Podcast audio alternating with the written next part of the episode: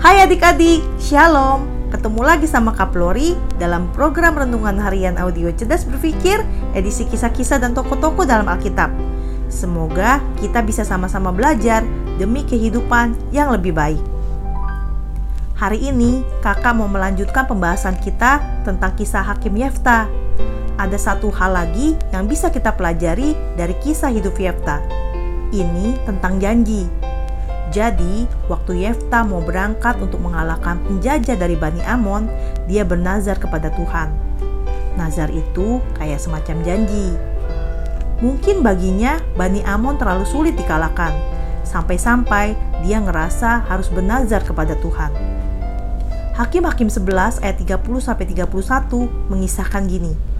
Lalu bernazarlah Yefta kepada Tuhan, katanya, jika engkau sungguh-sungguh menyerahkan Bani Amon itu ke dalam tanganku, maka apa yang keluar dari pintu rumahku untuk menemui aku pada waktu aku kembali dengan selamat dari Bani Amon, itu akan menjadi kepunyaan Tuhan, dan aku akan mempersembahkannya sebagai korban bakaran.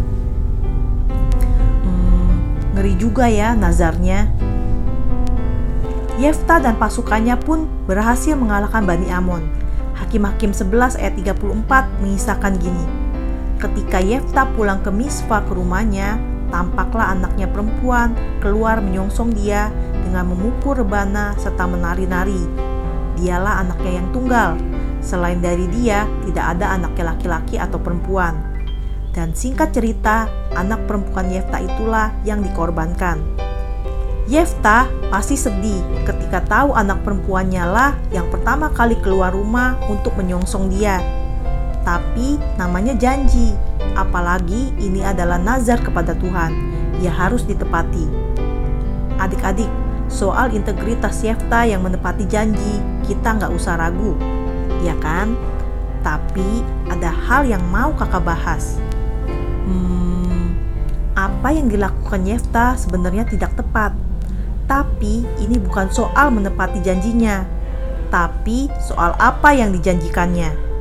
Satu-satunya tokoh Alkitab yang anaknya jadi korban bakaran kepada Tuhan, ya Yefta ini. Bahkan Abraham pun anaknya tidak jadi dikorbankan karena Tuhan mengujinya. Lagian, misalnya yang keluar dari rumah Yefta untuk menemuinya adalah tetangganya, padahal Nazar harus dibayar. Gimana? Repot kan? Nah, dari kisah ini kita belajar satu hal berharga. Hati-hati kalau berjanji. Pikir-pikir dulu soal apa yang kita janjikan. Entah itu kepada sesama manusia ataupun kepada Tuhan. Kakak nggak bilang supaya kita jangan berjanji loh ya. Kakak bilangnya bahwa kita harus hati-hati kalau berjanji. Kepada manusia dulu deh. Kalau kita berjanji, pikir-pikir dulu Jangan sampai perjanjian yang kita lakukan sangat memberatkan atau merugikan kita. Soalnya kan janji harus ditepati. Apalagi kalau perjanjian tersebut didokumentasikan dalam bentuk tertulis atau rekaman lisan.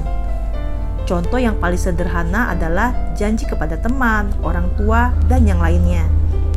Dan kalau kalian sudah dewasa dan sudah waktunya bekerja, hati-hati kalau mau menandatangani surat perjanjian kerja Dibaca dulu surat perjanjiannya, jangan sampai malah merugikan kalian. Atau misalnya, suatu saat nanti kalian melakukan perjanjian jual beli nih, misalnya rumah atau yang lainnya. Baik itu kalian yang menjual ataupun yang membeli, dibaca dulu surat perjanjian jual belinya sebelum ditandatangani. Jangan sampai kita malah dirugikan.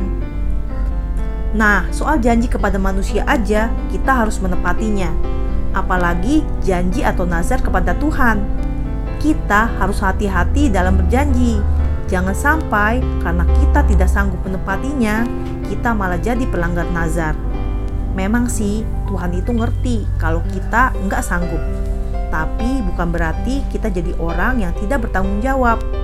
Misalnya, pas kalian udah dewasa dan siap bekerja, kalian bernazar gini ke Tuhan. Tuhan, kalau aku diterima kerja, aku akan aktif melayani Tuhan di gereja. Eh, ternyata kalian dapat kerjaan yang gak libur hari Sabtu dan Minggu. Nah, repot kan? Inti dari pelajaran kita hari ini adalah janji harus ditepati. Tapi sebelum berjanji, dipertimbangkan lagi ya. Oke? Yuk kita berdoa.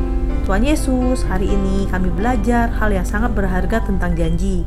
Biarlah melalui pelajaran hari ini kami dapat mempertimbangkan dengan baik sebelum kami membuat janji, supaya kami dapat menepati janji yang sudah kami ucapkan dengan semua konsekuensinya. Dan janji yang kami buat tidak merugikan orang lain juga. Dalam nama Tuhan Yesus, Allah kami yang super baik, kami berdoa dan mengucap syukur. Amin. Oke, Kaplori undur diri dulu ya. Tetap sehat, tetap semangat, dan tetap jadi berkat. Jangan lupa bahagia ya. Tuhan Yesus memberkati. Dadah.